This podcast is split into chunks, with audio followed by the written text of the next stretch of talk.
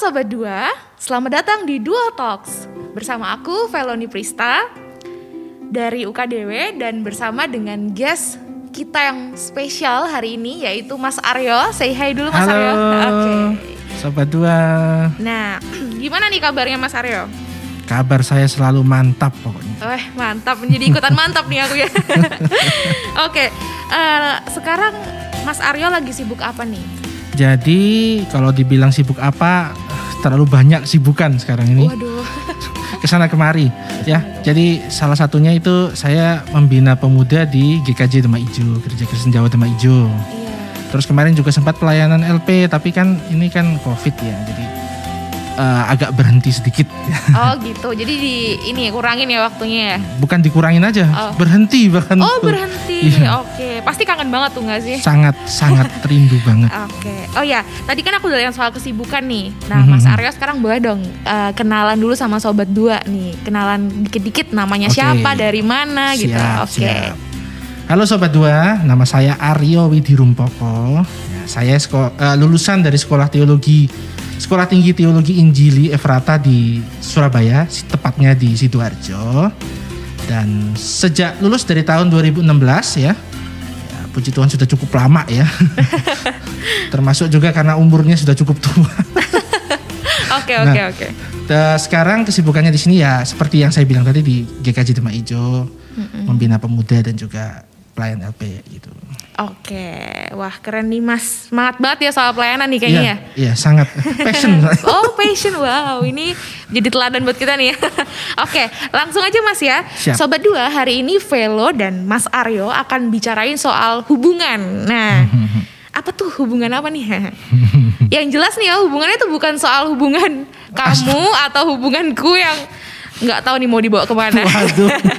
Tapi kita mau bicarain soal hubungan antara eh, pikiran, pikiran kita nih, dan juga tubuh kita. Ya. Nih biasanya tuh orang-orang lebih eh, punya bahasa kerennya tuh mindfulness of body. gitu. Sip. Mindfulness of body. Ini Mas Mas Aryo udah nggak asing lagi lah ya sama hal ini ya. Oh pastinya. Oke. Nah, menurut Mas Aryo ini apa sih mindfulness of body tuh? Nah jadi gini ya. Eh, kita bicara soal mindfulness dulu ya. Sepertinya sih sudah pernah dibahas ya di episode-episode sebelumnya ya. Oh iya betul Iya kan? betul betul. Jadi mindfulness itu sendiri kan bicara tentang kesadaran penuh ya, kesadaran penuh. Jadi eh, kalau kita lihat dari dasar katanya sendiri kan mindfulness itu artinya sadar penuh ya.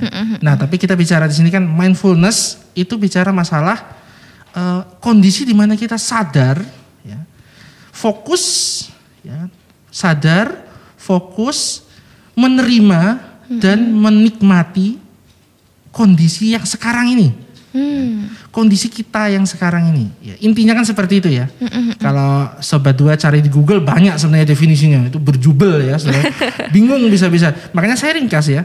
Eh, ada empat kata kunci ya di sini: sadar, fokus, menerima, dan menikmati kondisi kita sekarang. Nah itu mindfulness ya. Kalau kita bicara ma- masalah mindfulness of body, berarti kan bicara masalah tubuh kita. ya Iya. kan? Berarti kita sadar, ini kondisi di mana kita mindfulness of body itu artinya kondisi di mana kita sadar, fokus, menerima dan menikmati keadaan tubuh kita. Oke. Seperti apa pun keadaan tubuh kita. Oh ya, eh, untuk informasi bagi eh, sobat dua, saya adalah seorang tunanetra ya, seorang yang tidak bisa melihat istilahnya gitu. Oke. Semua teman-teman di sini termasuk kru juga tahu ya. Iya. Oke. sini ya. Ya, seperti itu intinya. Inti dasarnya seperti itu, mindfulness of body. Jadi keadaan di mana kita menikmati ya. Intinya tuh intinya kita bisa menikmati dan di situ nanti akan ada apa ya namanya ya?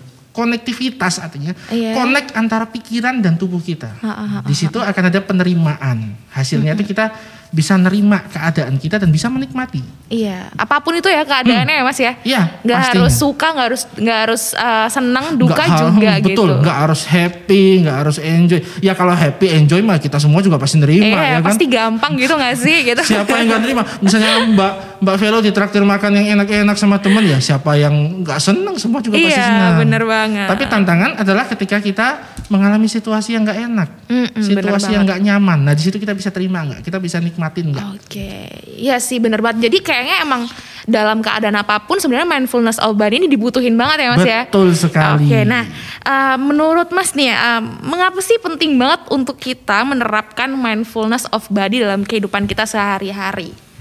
Jadi gini, eh, ada banyak di antara kita itu yang tidak enjoy dengan hidupnya. ya. Sangat tidak enjoy. Ciri-cirinya apa sih orang yang tidak enjoy dengan hidupnya itu adalah eh, gini, dia akan selalu mengalami yang namanya apa ya? kesulitan di segala sisi gitu. Padahal sebenarnya nggak sulit tapi tetap terasa sulit dan terasa berat.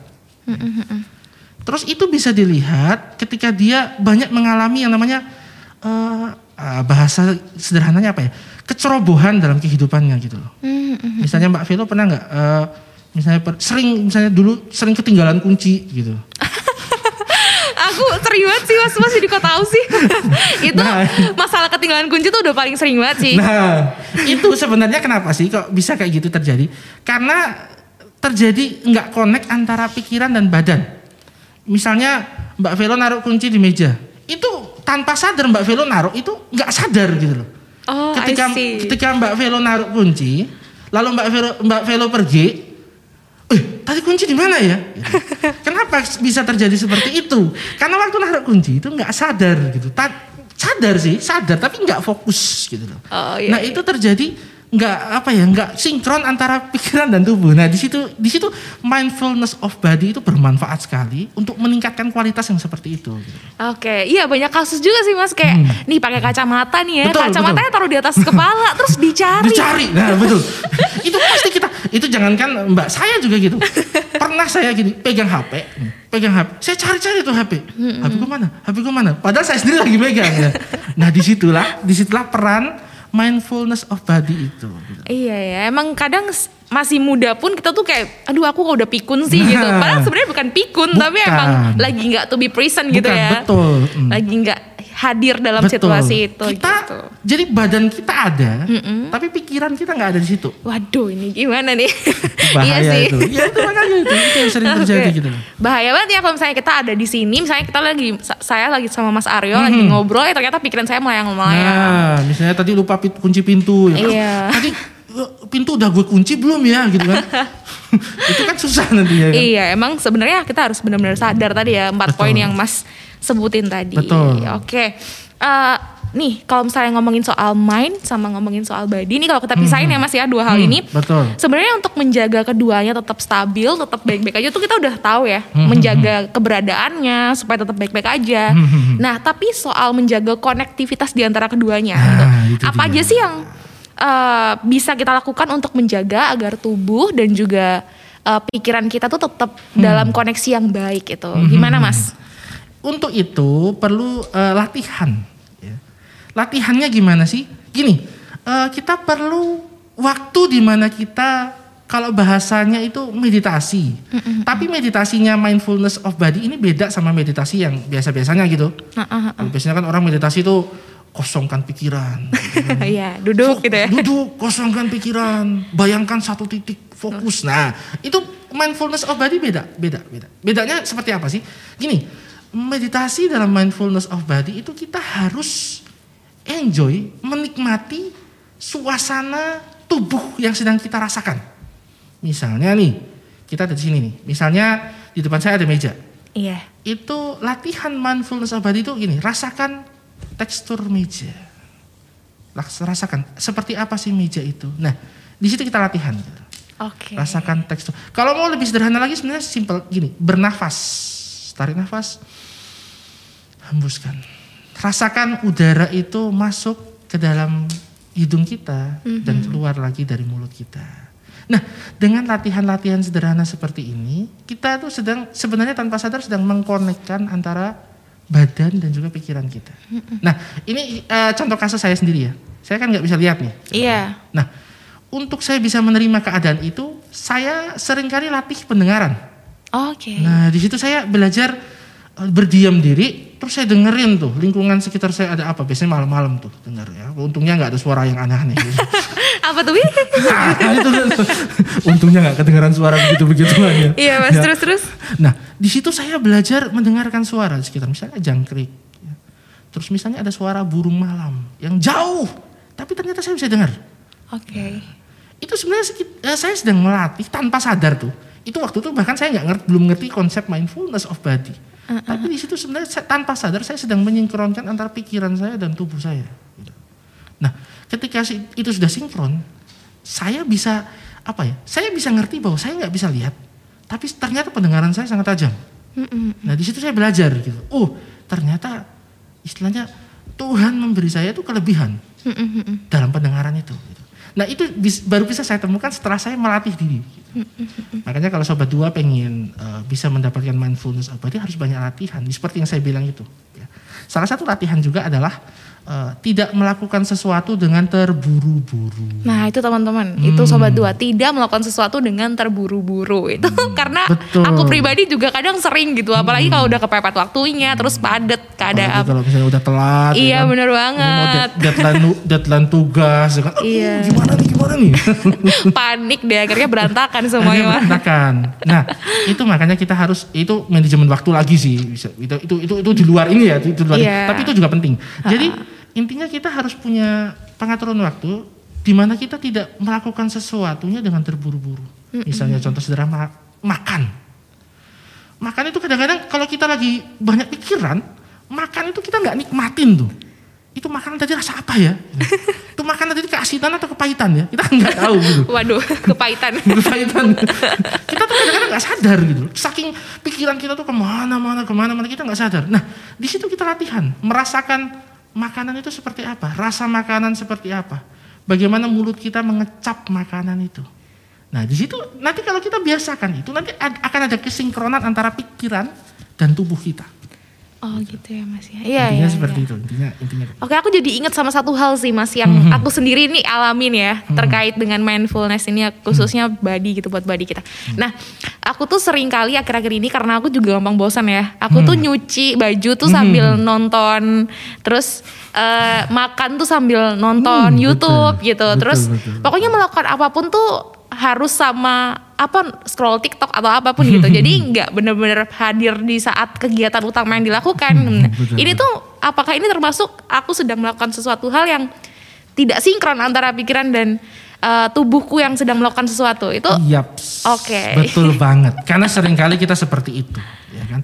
Itu eh, akibatnya kalau kita lakukan terlalu sering, gini. Nanti kita antara tubuh dan pikiran itu nggak sinkron, sering nggak sinkron. Gitu. Hmm, gitu ya. Dan dampaknya cukup eh, ya seperti yang saya bilang tadi di awal kan, seperti yang aku bilang tadi di awal, dampaknya itu sering kayak ketinggalan kunci, terus wow. kita, kita jalan kita jalan padahal padahal bisa ngeliat tapi kita jalan nabrak-nabrak gitu Oke. terus naruh barang di mana lupa gitu itu itu itu, terjadi karena nggak sinkron antara badan dan pikiran kita gitu loh Oke. Iya emang berarti memang seharusnya emang fokus sama satu hal aja gitu Betul. ya. Bener-bener dirasakan Iya, nyuci ya betul, nyuci betul, gitu. betul. tapi kan memang kita ya jujur-jujuran kita nggak bisa selalu seperti itu Iya. makanya eh, pu- perlu punya waktu khusus di mana kita melatih diri seperti itu Iya, mas sebenarnya kita nggak butuh uh, alat-alat ya untuk melatih, kita cuma butuh waktu doang butuh dan time. kesediaan kita gitu. makanya saya bilang kan waktu itu berharga banget Iya. Kalau kita sediain tuh waktu, waktu itu bisa merubah seluruh kehidupan kita. Waktu yang singkat itu bisa merubah seluruh kehidupan kita. Iya, tinggal kitanya mau atau enggak Hmm, gitu kan sobat betul. dua. Ya, oke. Eh, sobat dua, aku mau ingetin teman-teman nih di sini. Eh, kita bisa dengerin eh, rekaman kita hari ini episode kali ini tuh bisa di Petra FM eh, setiap hari Jumat jam 1 lewat 10 menit siang ya 13 lewat 10 menit waktu Indonesia bagian barat dan juga di Spotify dan YouTube channel Dua Talks eh, yang akan selalu update setiap hari Sabtu jam 6 sore juga bisa teman-teman akses di Instagram dan TikTok. Info-info terbaru, updatean terbaru dari Dua Talks. At Dua Talks. Dan kita uh, podcast Dua Talks ini sekarang berko- berkolaborasi dengan majalah Sunday, media online bagi pelajar SMA SMK sederajat. Teman-teman bisa akses di uh, majalahsunday.com atau platform lainnya seperti Twitter, Instagram, YouTube, Wattpad, uh, TikTok, podcast dan majalah Sunday itu sendiri. Oke, lanjut ya promosinya kan udah nih. Kita lanjut lagi.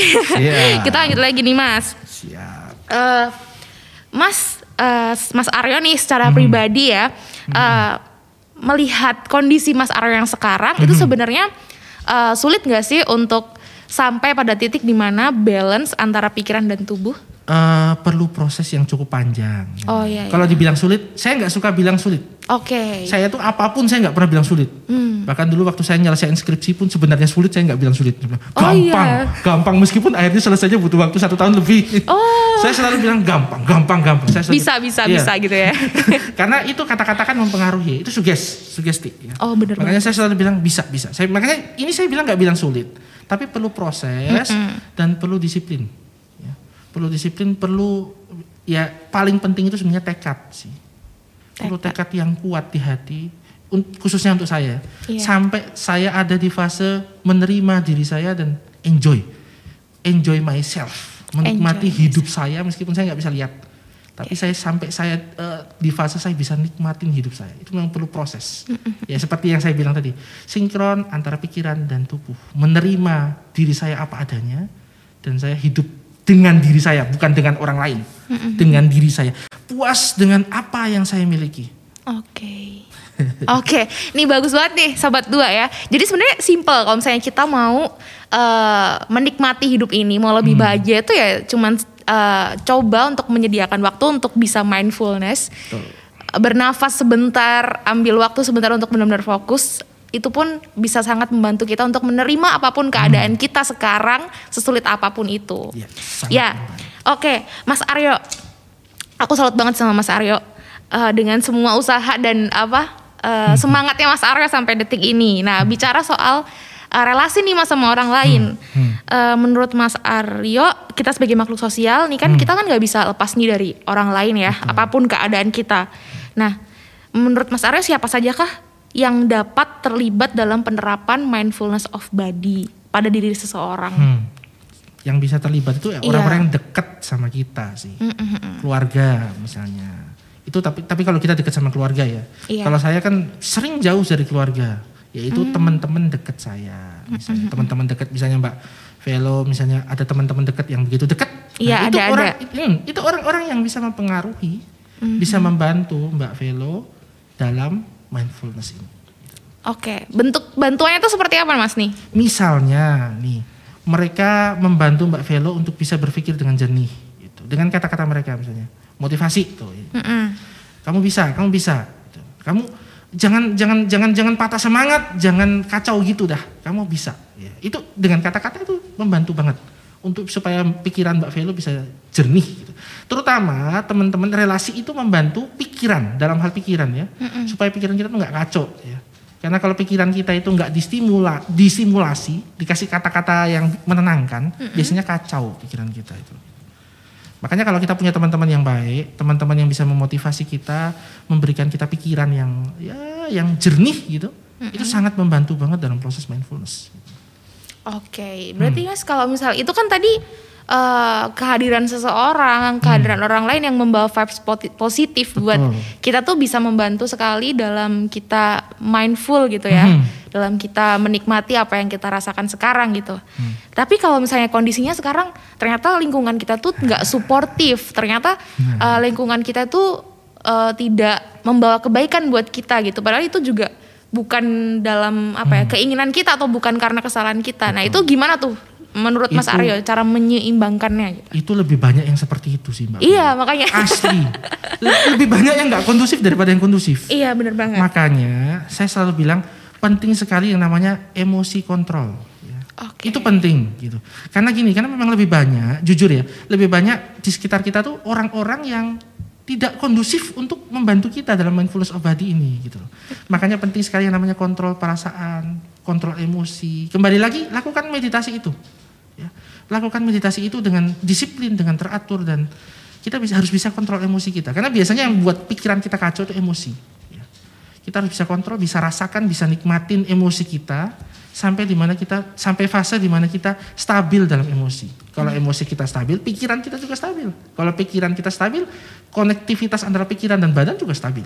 Benar banget. Iya sih Mas, aku Betul. juga ngerasain. Kadang emang kadang orang meskipun se, se extrovert apa pun kita, se nggak bisa kita sendiri, ketika ada sesuatu hal yang mungkin berat dalam hidup kita, kita kadang juga nggak bisa ngandalin orang gak lain ya. bisa, ya. Betul. Kita justru bisa lihat diri kita sendiri yang sebenarnya bisa diandalkan ya. gitu untuk bisa healing. Kadang ada waktu di mana kita memang harus sendiri. Iya benar banget ya sebaik apa pun temen, mm-hmm. kadang tuh mereka ada ada hal-hal yang mereka nggak akan bisa ngerti gitu.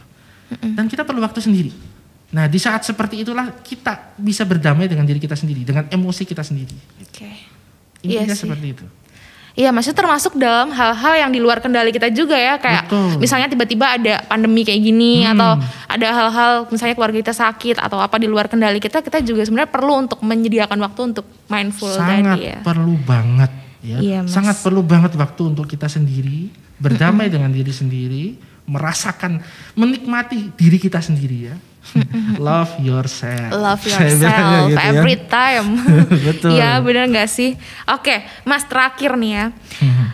menurut mas Aryo nih bisa disampaikan kepada sobat-sobat dua juga nih bagaimana hmm. cara untuk dapat menerapkan serta mencapai mindfulness of body dalam kehidupan sehari-hari itu kan sebenarnya sudah saya sampaikan ya. Iya, ditekankan lagi Ini nih mas. Saya ingin tekankan beberapa poin yang penting ya. Mm-mm. Yang pertama, nikmati setiap waktu, setiap detik dalam hidupmu, karena hidupmu itu berharga. Asik.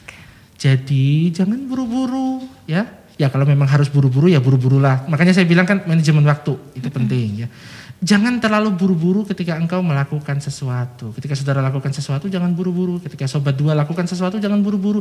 Karena kalau buru-buru jelas itu akan kacaukan semuanya ya. Semua akan kacau, pikiran Benar. pikiran kacau, badan kacau, semua kacau. Makanya jangan buru-buru nikmatin setiap detik, setiap menit, setiap aktivitas yang engkau kerjakan nikmatin ya. Jangan buru-buru, jangan pikiran itu enggak fokus ya kan. Nikmati segala sesuatunya. Itu penting. Ya, itu prinsip pertama dan prinsip kedua yang paling penting adalah saya bilang tadi love yourself. Love Cintai yourself. dirimu bukan berarti egois. Mencintai diri sendiri itu bukan egois. Mencintai diri sendiri itu artinya aku menghargai diriku apa adanya. Ini aku, aku berharga, aku istimewa, tidak ada orang seperti aku. Aku istimewa. Itu penting. Dengan mencintai diri sendiri, kita menghargai tubuh kita dan dengan menerima dan menghargai tubuh kita, kita bisa sampai di titik di mana mindfulness of body itu tercapai. Oh gila, gitu. keren banget. Ada lagi nggak mas? Tiga, dua ya nih, Hah? dua prinsip nih yang dua utama prinsip ya. Penting. Okay. Ya, nikmati hidupmu dan hargai. Siapa dirimu? Hmm, okay. Hargai siapa dirimu, itu paling penting. Dan saya harap semua uh, sobat dua bisa terapin itu dan hidup hidup sobat dua pasti lebih berkualitas. Benar banget. Oke, okay. uh, terima kasih banyak nih Mas Aryo ya. Siap. Aku sangat salut dan sangat apa sih ibaratnya tertampar gitu aku sendiri secara pribadi karena emang lagi banyak banget hal yang perlu disinkronkan akhir-akhir ini hmm. aku percaya juga tuh sobat dua yang lagi dengerin podcast episode kali ini pasti juga merasakan hal yang sama kurang lebih ya Mas Aryo ya. Pasti, ya, pasti ada lah. pasti ada dalam kehidupan kita. ha, uh, dalam kehidupan kita sehari-hari. Tadi teman-teman uh, sobat dua harus ingat bahwa satu kita harus uh, sadar betul ya Mas ya. Kita Betul. harus menerima kita harus tahu kondisi kita sekarang, Betul. kita harus bisa menyempatkan waktu untuk uh, sedikit uh, sadar, sedikit uh, latihan ya. mindfulness. Yeah. Nah, yang kedua tadi juga uh, kita menghargai diri kita sendiri. Diri. Siapa kita, apa pun kondisi kita sekarang, kita perlu menerima supaya kita bisa lebih hidup uh, dengan kualitas yang baik, gitu ya, ya Mas ya. Betul. Oke. Okay. Buat sobat dua sekalian, terima kasih untuk uh, teman-teman yang udah mendengarkan ini dengan baik dan kita berharap ya Mas Aryo supaya hidup kita juga lebih berkualitas ke depannya. Ya, betul sekali. Aku dan Mas Aryo uh, pamit undur diri sampai jumpa di episode berikutnya di hari yang sama dan juga jam yang sama. Bye bye. Bye bye.